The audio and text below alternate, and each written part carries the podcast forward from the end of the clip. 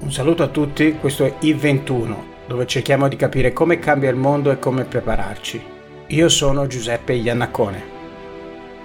Oggi è con noi Barbara Carfagna per una conversazione su divulgare l'innovazione digitale.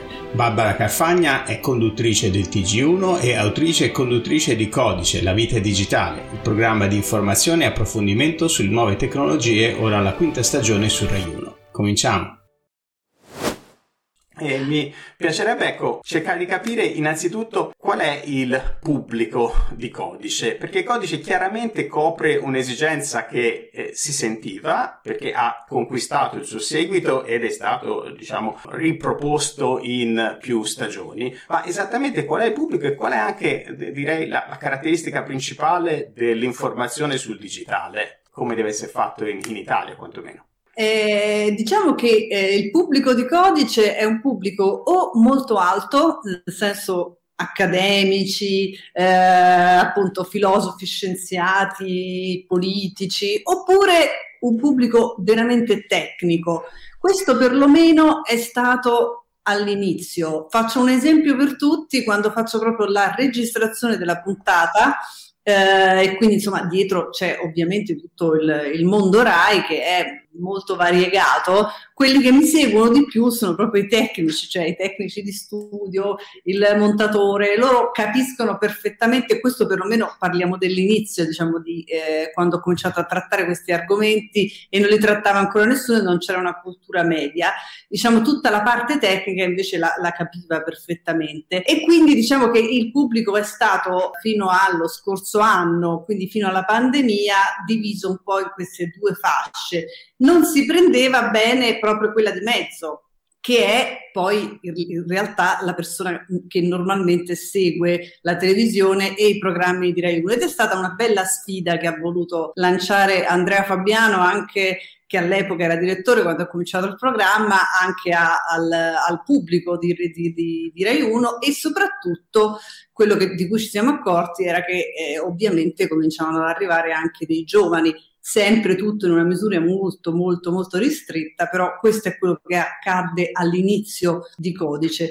Prima ancora di Codice, eh, su Speciale TG1, che è un pubblico di default, diciamo sono 60 minuti la domenica sera in seconda serata ed è molto seguito e più o meno fa sempre lo stesso tipo di, di ascolto e di share, eh, si poteva impattare questa categoria più abitudinaria, quindi era un po' quella appunto centrale eh, tra, fa- tra la fascia alta e la fascia eh, dei tecnici e che poteva in qualche modo arrivare a conoscenza di una materia che eh, solitamente sembrava eh, all'epoca insomma veramente lontana dal, dal, tipo di programmi e di contenuti che, che facevamo su Rai 1. Pian piano questa forbice ovviamente è andata un po' è andata diminuendo e la pandemia ha fatto esplodere quello che si chiama il tipping point è stato, cioè la, sono atterrati un po' eh, questi argomenti sulle masse. E quindi diciamo che dalla pandemia in poi è cambiato anche il tipo di comunicazione perché comunque la maggior parte delle persone in Italia, che era un paese non con una grande cultura, senza una grande cultura insomma, tecnologica e digitale, ha, ha, cominciato ad essere, diciamo così, un po' più conosciuta la, la, cultura digitale, per cui non sembrava più che parlassi di cose siderali, ma eh, erano cose che ormai erano entrate nella quotidianità di ognuno di noi. L'inizio, diciamo così, di questo tipo di informazione fu con un programma il sabato mattina su Rai 1 che si chiamava Infosfera ed era talmente presto perché era verso, se non sbaglio, 2011-2012 che eh, io ero in, in genere in, nei musei, la Galleria Borghese, Palazzo Doria Panfili, quindi prendevo, non so, i fori romani mi mettevo nei fori romani e parlando dei fori romani spiegavo da dove veniva la parola forum, all'epoca c'erano ancora i forum che adesso non ci sono più, che erano online, spiegavo la cittadinanza digitale in Estonia spiega, parlando dell'impero romano, prendevo a Palazzo da Panfili il canocchiale di Galileo che loro hanno e spiegavo il progetto Copernicus, cioè facevo un po' questo tipo di, di alfabetizzazione Adesso ovviamente siamo arrivati a diciamo, una uniformità di informazione anche nei diversi orari ed è cambiato anche il pubblico perché tutti quanti cominciano a seguire questo tipo di argomenti. Ecco, no, e, effettivamente mi sembra una cosa molto eh, difficile trovare il registro giusto, no? Perché quello che raccontiamo adesso è un registro che probabilmente è molto adatto a persone, probabilmente pubblico naturale di speciale TG1, non pubblico generalista. Però ecco, vedendo codice sembra molto destinato a un pubblico particolare, innanzitutto dal mio punto di vista, ecco, che non sono esperto, sembra un pubblico più giovane, no? Perché anche soltanto la velocità del montaggio, effettivamente è una cosa che, insomma, i ragazzi riescono a seguire molto bene, ma un pubblico un po' più, un po più anziano forse ha fatica a seguire. Quella è una scelta, immagino. Quella è una scelta. Allora, mentre su Speciality G1 la chiave giusta è stata dargli un taglio invece che tecnico oppure economico, perché tendenzialmente l'argomento del digitale ha cominciato a entrare nelle redazioni giornalistiche attraverso la redazione economia. Per me quello era un equivoco, c'era un grosso equivoco perché avendo, come hai detto tu all'inizio, la formazione umanistica, secondo me il taglio giusto invece era proprio quello di come cambia l'uomo e quindi negli speciali del TG1, i primi speciali del TG1 a partire dal 2012, speciale TG1 e TV7 al 2017 quando c'è stata la prima puntata di codice, è stata impostata, diciamo così, una visione del digitale filosofica, anche religiosa, che abbiamo parlato di transumanesimo, di temi del genere, per cui la gente si è sentita immediatamente coinvolta nell'argomento, perché diciamo l'argomento filosofico, umanistico coinvolge un po' tutti. Dal, da codice in poi sì, la scommessa che ha voluto fare Andrea Fabiano all'inizio è stata proprio quella di portare un pubblico più giovane su Rai 1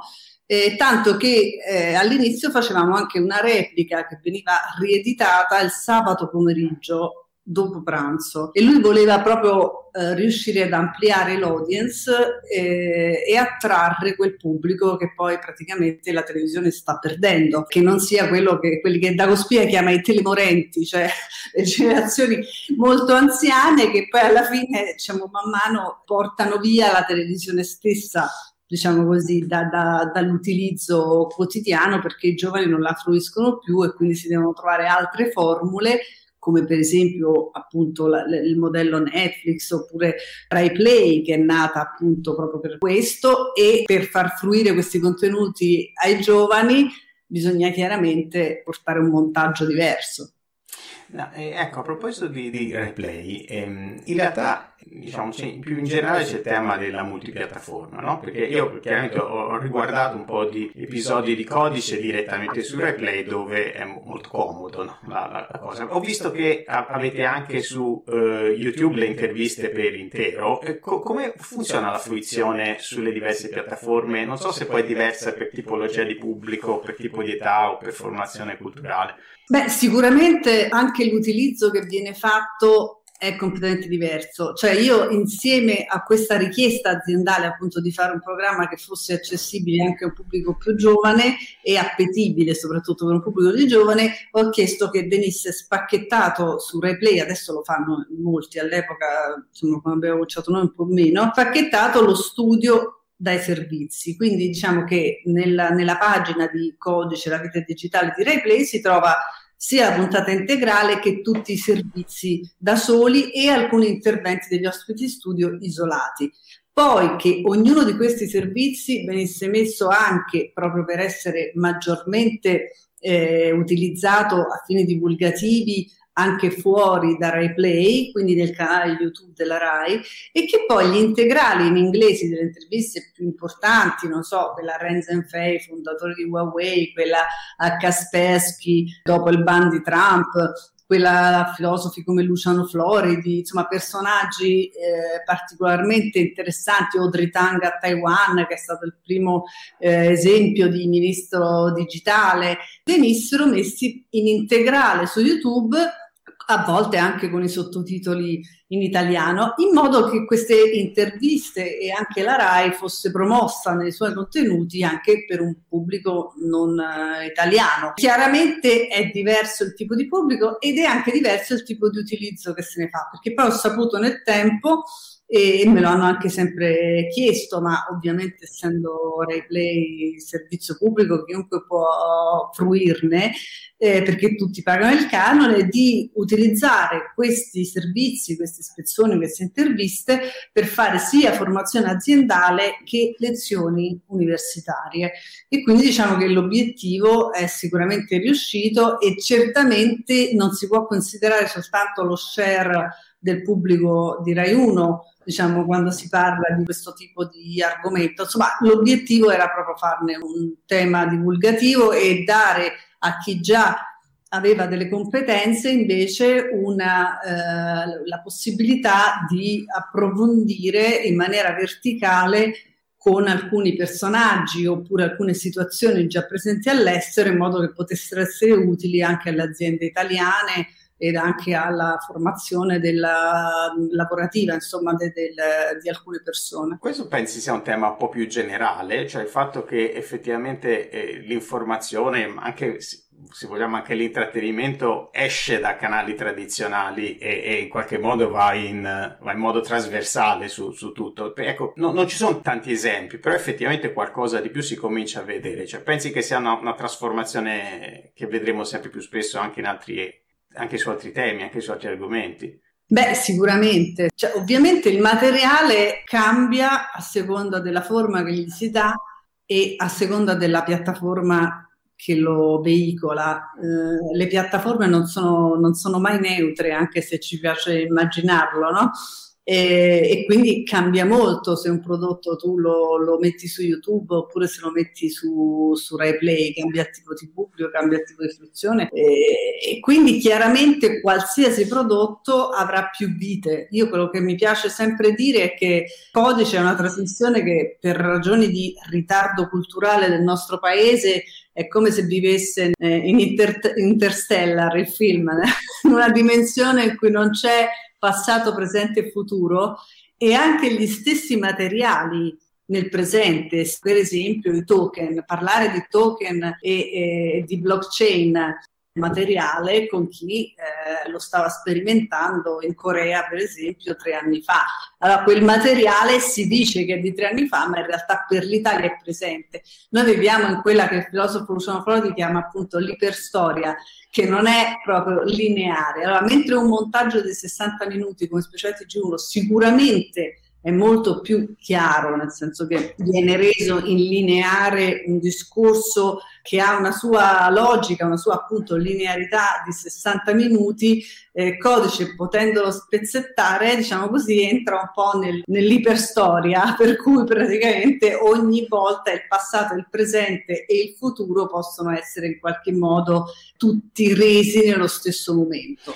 Ecco, no, non so se è questo il motivo per cui, per esempio, la scenografia è sempre identica, no? Di codice. Il fatto di poterla poi, a questo punto, essendo sempre identica, non è più legata a un momento particolare, no? Può essere, eh, forse anche tu sei vestita sempre nello stesso modo, sei, ma è una scelta, diciamo, le, legata a, questa, a questo aspetto di poter modificare. Allora, di, all'inizio è stata una scelta di marketing. Io ho cominciato a fare televisione con Giovanni Minoli. Giovanni Minoli mi diceva eh, tanto più se un prodotto è di nicchia, viene mandato in un orario insomma cui comunque non è la prima serata che vedono tutti.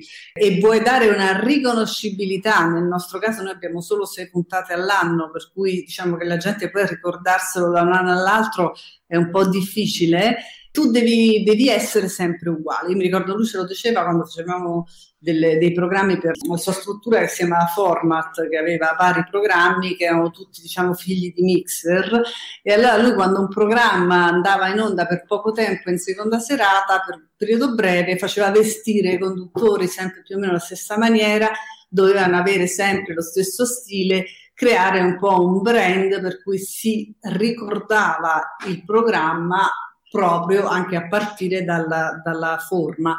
Quest'anno ho cercato di ripetere questa cosa all'inizio per marketing, poi è tornata anche utile perché lo scorso anno ovviamente con la pandemia è stato molto difficile girare, quella è una trasmissione che è girata per lo più all'estero e quindi abbiamo fatto due puntate nuove e abbiamo rimontato delle repliche, ma anche, e, e, diciamo la differenza tra le puntate nuove e le repliche non si è vista proprio perché la scenografia è la stessa. In più si è creato l'anno scorso il problema di dover movimentare la scenografia, per cui la RAI ha movimentato molte meno scenografie, c'è stata l'esigenza per molti programmi di essere lanciati, diciamo, i lanci invece di farli in studio venivano fatti fuori, fuori dagli studi perché i tecnici si dovevano alternare appunto per ragioni di presenza. E allora io ho approfittato e ho usato lo, lo studio virtuale della RAI, che è quello che appunto utilizza anche spesso Superquark con Piero Angela, non per creare un effetto speciale, bensì per ricreare esattamente la scenografia, cioè è stata scannerizzata la scenografia originale con i materiali proprio originali, cioè il dodecaedro che vedete qui alle mie spalle, il tipo appunto di, di scenografia che c'era, il pavimento, tutto quanto, ed è stato riprodotto esclusivamente in digitale nello studio virtuale, in modo che tra le due puntate nuove e le repliche ci fosse una continuità tale che appunto, diciamo, a meno che qualcuno non, non si ricordasse esattamente com'era una puntata andata magari due anni prima, dichiaravamo che era una replica di due anni prima, ma come ho detto prima, gli argomenti per l'Italia sono diventati attuali solo lo scorso anno eh, se no sembrava futuro, non, non, si sono accorti minimamente del passaggio, insomma, della differenza. Perfino delle persone della RAI hanno pensato che alcune delle repliche fossero state realizzate quell'anno. Senti, una, una domanda un po' interessata, no? Io vedo spesso che in trasmissione tu hai ospiti che sono accademici o scienziati e, e ecco la domanda mia è questa, perché vedi, spesso noi che svolgiamo attività di ricerca, dei progetti di, di ricerca, viene chiesto di comunicare i risultati risultati, sempre di più rispetto a, che ne so, 5-6 anni fa, un po' per far capire al pubblico generale come vengono utilizzati i soldi, no? E un po' per, proprio per coinvolgere. Ecco, da, dal tuo punto di vista, tu come vedi tipicamente gli accademici e i ricercatori nel momento della comunicazione? Perché vedo nel tuo programma li guidi molto per mano, no? Nel, nel, nel percorso. Allora, il grosso problema che c'è è che spesso alcune persone magari che hanno dei, dei contenuti rivoluzionari non sanno comunicare in maniera efficace e questo è un po' una dote personale che hanno gli accademici, cioè o ce l'hanno o non ce l'hanno. Alcuni migliorano, fanno dei corsi, migliorano anche nell'esposizione, altri, e devo dire purtroppo sono veramente quelli più bravi, cioè quelli che hanno delle idee eh, assolutamente innovative, tendenzialmente non riescono a renderle bene, per cui tendo, diciamo, nella scelta, adesso quest'anno con la, con la pandemia, in quest'ultimo anno, vediamo sempre scienziati in televisione, ma all'inizio io mi ricordo quando la prima volta dissi che invitavo un filosofo, mi chiedono di non mettere sotto la scritta filosofo, oppure gli scienziati dovevano essere solo nella trasmissione di Piero Angela, quindi non ce n'erano, ce n'erano pochissimi, insomma. Però all'epoca ho cominciato a, a utilizzare un po' i criteri che, che utilizzavo in cronaca, cioè per la cronaca, se ben ricordate, quando c'è stato, ci sono stati quei dieci anni di esplosione, no?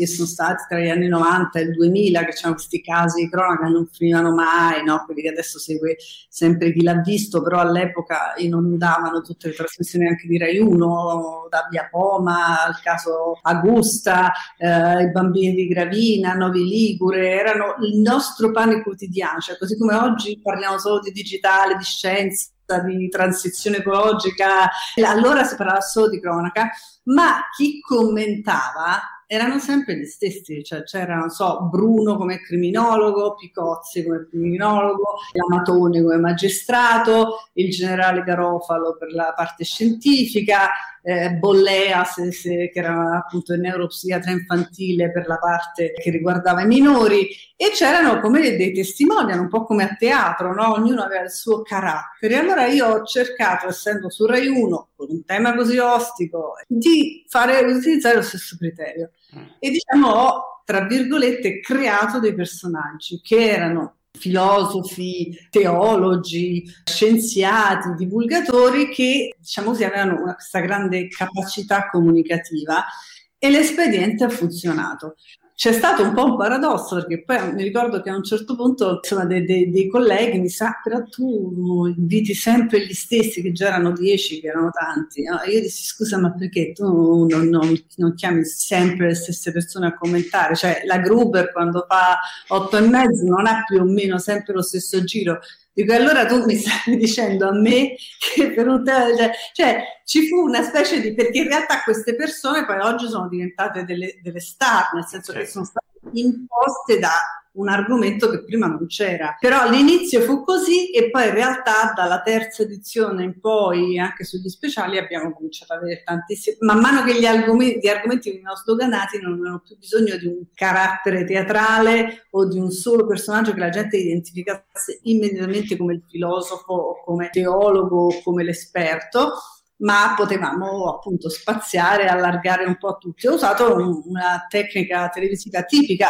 sono sempre questi gli insegnamenti di Giovanni Minoli. Cioè per cioè, fatto... un vero e proprio casting in sostanza che viene fatto per, per, far, per, far, capire alle persone di che si parla prima che si cominci a parlare con la prima poi diciamo le persone che si interessano all'argomento si affezionano tra virgolette a quel personaggio e quindi quando lo vedono hanno meno stress recettivo perché ovviamente quando si sta a casa a guardare la televisione non è che si sta seduti in un banco universitario. Ho capito. Scusa, prima hai citato eh, Piero Angela. Effettivamente sì. anche Piero Angela questo effetto di casting era impressionante. Io che ricordo un po' tutta la mia prima infanzia e poi gioventù, come sempre su Mainardi per parlare di etologia e poi aveva, aveva effettivamente cast anche lui. Ora, eh, effettivamente Quark ha coperto per un po' di tempo, per parecchio tempo, direi, tutta l'informazione scientifica sulla RAI, che in, buona parte, direi, ecco, per i tempi di oggi, è, no, non direi sovrapposta, ma insomma è, è, ha parecchi punti di contatto con quella che è l'informazione per l'innovazione digitale. Però c'erano parecchie differenze tra come era Quark e come è Codice. Anche eh, se, se, non mi sbaglio, Quark è una cosa prodotta esternamente, no? mentre invece Codice è un programma RAI. Sì, ci sono differenze perché la scienza non è il digitale, nel senso che eh, il programma di Angela è veramente divulgativo dei temi scientifici. In questo chiaramente è anche informazione e giornalismo, ma è più divulgazione, mentre in codice era temi digitali e società digitale. Quindi se vogliamo più che la politica, insieme alla, e più che l'economia, assieme alla filosofia veniva fuori la politica, perché poi significava andare a parlare di come venivano gestiti gli individui e come venivano costruite le comunità e le società laddove il, il, digitale diventa pervasivo. Quindi il tema che oggi finalmente anche in Italia è diventato un tema politico, all'epoca veniva appunto, come ho detto prima, visto come un tema economico, mentre Piero Angela era proprio divulgazione scientifica, cioè noi tutti siamo nati appunto sapendo come funzionavano determinate,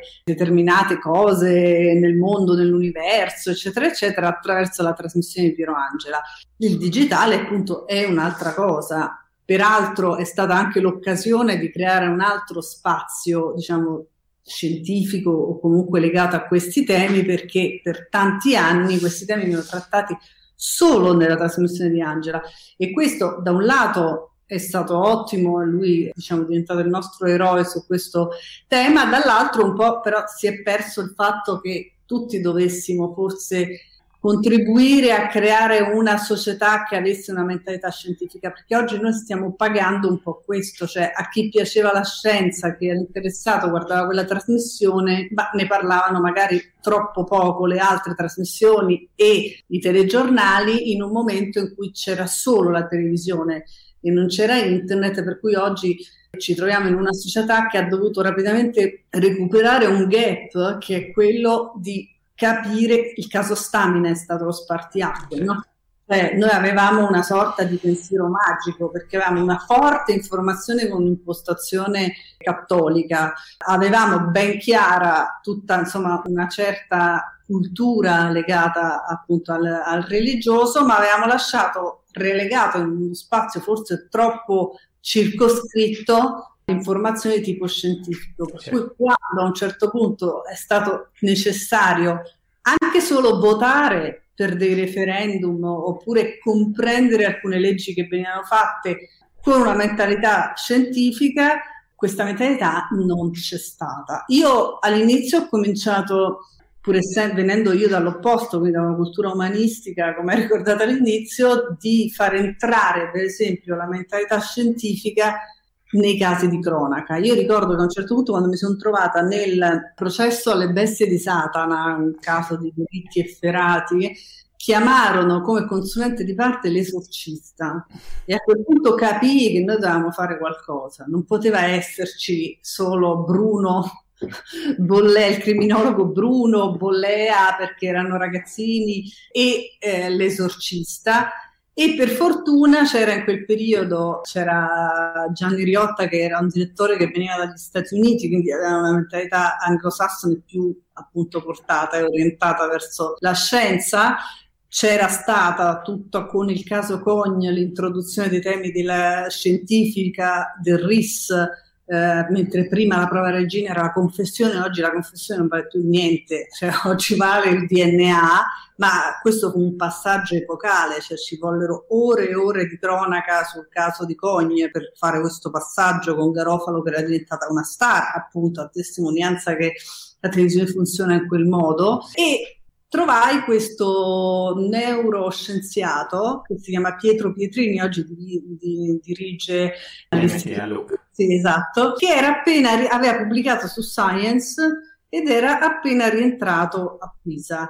E mi ricordo la prima occasione che fu il processo di Rignano Flaminio, in cui c'erano questi bambini che avevano vissuto queste presunte violenze all'età di tre anni da parte dei loro maestri. Le stavano raccontando a cinque anni e venivano prese le loro testimonianze come appunto non condizionate, che poi è venuto fuori dagli adulti che proiettavano delle loro paure su questa vicenda, poi sono stati tutti assolti perché il fatto non sussiste, mi pare, eh? mi pare sbagliato. Ma Praticamente io cosa feci? Invece di chiamare i soliti Bollea, Bruno, Picozzi, eccetera, eccetera, dissi a questo scienziato che nel frattempo avevo già contattato dicendogli lo sfacelo, insomma, di, di, cioè perché l'esorcista non può diventare il consulente di parte di una storia, a meno che non si voglia solo sapere come funziona il satanismo, e gli dissi se tu riesci in 40 secondi, perché avevamo i pezzi del TG che erano un minuto e 15, a spiegarmi qualcosa, noi mettiamo fine a questo che mi, mi, pare essere una specie di delirio, perché era diventato quel processo, come tanti processi sugli abusi dei minori, diventa un certo i genitori proiettano le loro paure, la società li, li proietta, cioè entra il pensiero magico, no? E lui fece in 40 secondi, mi ricordo non avevo neanche il tempo di andare a Pisa perché dovevo fare il pezzo per le 20 e mi fu assegnato alle 3. E io e lui gli mandai una telecamera, lo, lo facemmo, insomma, all'epoca non c'era Zoom, quindi non potevo vedere, però sentivo al telefono e lui fece vedere questo è il cervello di un bambino a tre anni, assimila per immagini e non linguisticamente. Questa è la parte del cervello che si è sviluppata successivamente a 5 in cui riproduce linguisticamente quello che ha vissuto a tre anni.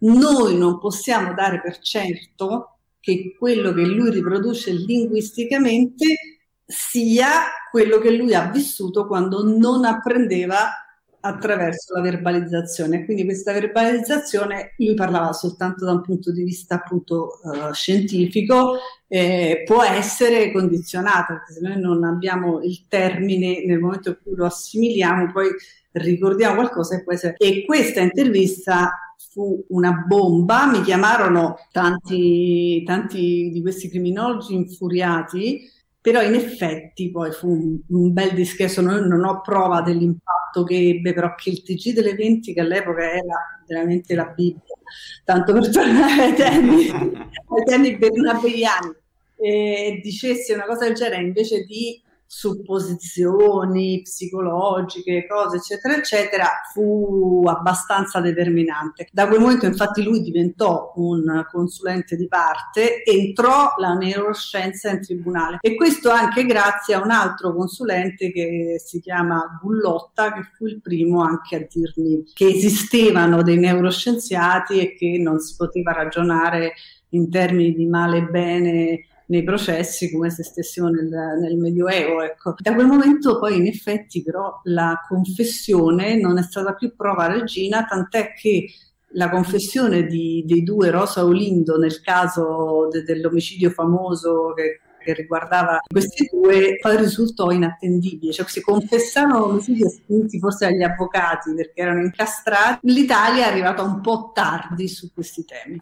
Questa scelta di lasciare l'informazione, la divulgazione scientifica, diciamo, relegata un paio d'ore a settimana soltanto in quello spazio, no? è, è, stata effettivamente intenzionale perché per tanto tempo non si è visto quasi nient'altro. Ora forse c'è stato un po' di tempo Leonardo, il TG Leonardo su Rai 3, no? che, che effettivamente effettivamente nella fascia pomeridiana, probabilmente poco seguita, eh, faceva questo, però era proprio intenzionale, una, una, scelta redazionale se vuoi. Io non lo so perché io sono entrata in Rai, diciamo che già era così, però mi ricordo che sì, praticamente a noi non è che io, cioè se io proponevo uno speciale del TG1, un TV7 su una materia scientifica, insomma, venivo guardata in modo strano perché all'epoca anche noi avevamo i nostri testimonial, quindi quello che seguiva la scienza era Piero Angela quello che seguiva la musica era Mollica, cioè non certo. si vedevano servizi che fossero di musica che non fossero fatti da lui su Rai 1. Quello che seguiva, non so, le questioni del Medio Oriente era...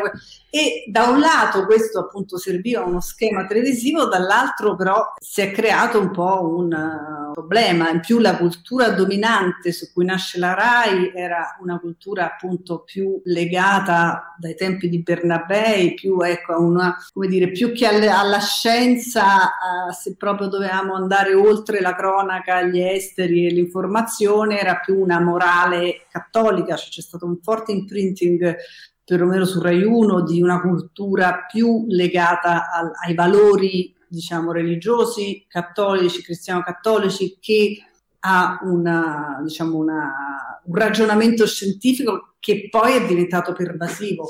Senso, oggi come oggi noi abbiamo entrambe le cose, come è giusto che sia, però all'epoca è come se fosse tutto un po' più spostato sulla morale che sulla scienza. Cioè il fatto, tuttora noi subiamo questo, lo subiscono anche altre culture. Per esempio l'altro giorno faccio un esempio, il fatto fine a se stesso sui social no, cioè, crea veramente il caos. Perché? Perché si tende a una polarizzazione e questo già è normale per tutti i social in tutto il mondo. Per l'Italia ancora di più. Cioè, l'altro giorno ho fatto un post in cui dicevo una verità, cioè che un produttore vinicolo ha detto da quando c'è il reddito di cittadinanza quelli che venivano studenti o disoccupati a fare il lavoro nei campi pagato regolarmente 10 euro l'ora, quindi anche credo il massimo di quello che si può pagare, eh, non vengono più perché, perché noi non possiamo gar- garantire sulle giornate di maltempo, è un lavoro stagionale, preferiscono tenere il reddito di cittadinanza. Abbiamo fatto un accordo con la Caritas e abbiamo regolarizzato alcuni immigrati che adesso lavorano regolarmente qua. Questo è un fatto che non è né di destra né di sinistra, né contro il reddito di cittadinanza né contro o a favore degli immigrati. È un fatto che è accaduto. È, si è scatenato l'inferno perché l'Italia ha difficoltà a vedere il fatto, immediatamente lo interpreta in chiave bene, male, religioso perché c'entra la Caritas, contro o a favore del reddito di cittadinanza spaccati tra 5 Stelle. È successo l'inferno su un fa- Io sono diventata quella che l'ha scritto per mille motivi, hanno dato ognuno un'interpretazione, cioè che il fatto fosse il fatto, noi ancora abbiamo un'enorme difficoltà ad accettarlo.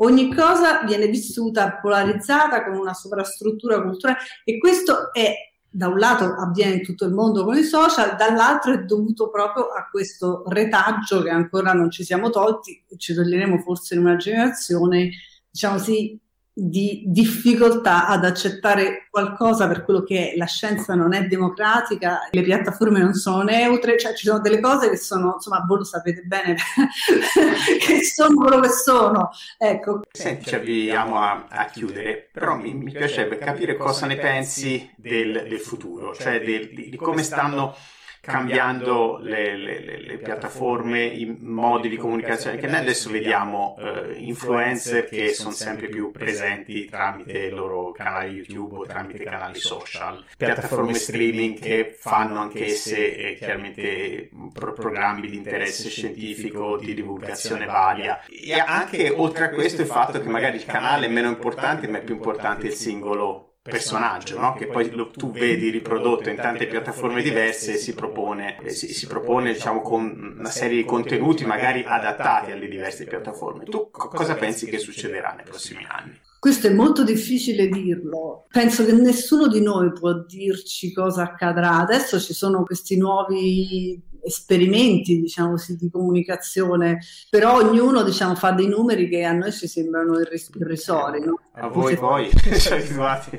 abituati. Cioè, noi è proprio è come se fosse atomizzata l'informazione, invece noi siamo abituati a, diciamo, a, dei numeri tali che e io quello che mi domando e che, che penso possa accadere è che in realtà questo transito dall'avere una cultura che identifica un paese o anche un'area come l'Europa in qualche modo finirà, ma non finirà come cultura intendo per esempio noi che abbiamo in Italia questa cultura di massa molto cattolica eccetera eccetera o una mentalità europea e, e, diciamo che i confini geografici nazionali già sono giovani, eh? non, noi pensiamo sempre come se ci fossero sempre stati. Appunto, l'impero romano somiglia di più al mondo digitale di, di, dei confini nazionali e potremmo invece, non so, per esempio, allearci tra virgolette con delle culture eh, anche d'oltreoceano che però ci somigliano nei valori e quindi non più la prossimità geografica, ma i valori. E questo potrebbe creare così una matrice ed anche dei canali informativi comuni tra grossi gruppi che non hanno un, un confine. Però secondo me non, anche questo esperimento di polverizzazione, di atomizzazione sta mostrando le sue fragilità. Le comunità alla fine, specialmente in Italia, sappiamo sono fatte intorno al campanile. Il campanile del paese è sempre stata Rai 1. Programmi come Porta a Porta ci hanno dimostrato che quando temevamo che Sky avrebbe eh, e l'all news avrebbe disintegrato il sistema, ci hanno dimostrato che la gente ha comunque bisogno di, no, ha poco tempo, quindi ha bisogno di, di fidarsi e sì. fare la somma di tutta questa mole di informazioni in un canale fidelizzato, in un posto fidelizzato, anche per non parlare solo della RAI, Mentana ad esempio, è uno che la gente segue quando c'è qualcosa di politico, Vespa o Mentana, cioè ci sono diciamo dei luoghi che questo è umano, cioè le comunità umane eh, sono, sono, fatte così. Eh, quindi o si andrà verso un'atomizzazione totale come quella che c'è nei paesi asiatici, ma a quel punto forse noi non ci saremo neanche più, sarà tra tre generazioni, oppure si troveranno delle soluzioni ibride che però non somigliano a quelle che ci sono adesso. Quindi in altre parole la mia risposta è non lo so io, ammetto di non saperlo, non lo sa nessuno, si fa, stanno facendo degli esperimenti nessuno mi pare ancora un esperimento in grado di sostituire l'esistente. E anche io penso, anche, perlomeno per l'Italia, ci sia un impatto anche legato al fatto che comunque eh, la nazione è piccola, la lingua è, è, è diffusa soltanto nel paese, no? per cui effettivamente anche la lingua diventa un po' un limite nell'allargare in modo trasversale certi, certi temi, però è vero che alcuni esperimenti interessanti ci sono, no? Io anche, sì, sì, che sì, seguo abbastanza Will, per esempio, che Will, fa delle cose... cose questo proprio di Will, fanpage, cioè ci sono degli esperimenti interessanti questo appunto fa parte dell'atomizzazione, però poi alla fine quanti di... cioè se io dico Will su Rai 1 al TG, chissà cos'è, quanti. Eh, certo. No, no, no, eh, cresceranno, secondo me Will non diventerà mai, diciamo così, centrale come è stato il TG1 per dire. No. Forse neanche deve diventarlo, però poi un'atomizzazione così forte in qualche modo teniamo presente che polverizza anche le comunità, perché se i valori intorno a un figlicidio che era Cogn venivano creati dalla narrazione di Rai 1, era perché bisognava accettare il figlicidio. Cioè il fatto che una madre potesse uccidere un figlio, fino a quel momento noi lo cancellavamo. Quando noi avevamo eh, le notizie di infanticidio o fillicidio, come è stato in questo caso perché il bambino era più grande, noi le eliminavamo proprio, anche perché creava poi processi emulativi, cioè avevamo comunque una direttiva morale sul fatto. Poi quando quello fu all'inizio scambiato per un omicidio e invece poi si scoprì la verità, e si allargò il tema a qualcosa che era un grosso tabù. Ci sono volute ore e ore di televisione perché bisognava far digerire questa cosa che andava contro una, una cultura che in qualche modo era censoria anche di certi fatti, no? nonostante le tragedie greche certo. del, del, passato. E quindi la comunità è andata lentamente in tutte quelle ore e ore e ore e ore di discussioni ad accettare un qualcosa. Andarci lentamente non di getto fa sì che non ci troviamo di fronte a quegli episodi tipo la società coreana che da, da, è passata dal Medioevo a un futuro che noi neanche sogniamo in una generazione, però poi ci sono stati episodi di cronaca efferati, cannibalismo, qualsiasi, cioè serviva anche quello. Quindi la comunità serve ancora. Equilibrare queste due cose, io francamente non, non penso di avere visto una soluzione che possa ancora, diciamo, essere avere un impatto positivo ed essere al contempo una nuova soluzione. Non l'ho vista, l'ho vista in Corea per i coreani, l'ho vista a Singapore o negli Stati Uniti, ma per la nostra società non l'ho ancora vista. Eh, io ti ringrazio un sacco, ho imparato tantissimo nella conversazione, ma che ho tanti spunti di riflessione, specialmente questa cosa del casting che mi ha detto a un certo punto è una cosa su cui non avevo eh, riflettuto abbastanza. Mi insegnava tutto, cioè non lasciava nulla al caso, diciamo, e visto perché oggi lui è ancora considerato veramente il più bravo forse giornalista e anche direttore diciamo, de, de, della RAI. D'accordo, io ti ringrazio di nuovo tantissimo, migliori auguri per eh, tutte le, le prossime avventure. Grazie, Grazie.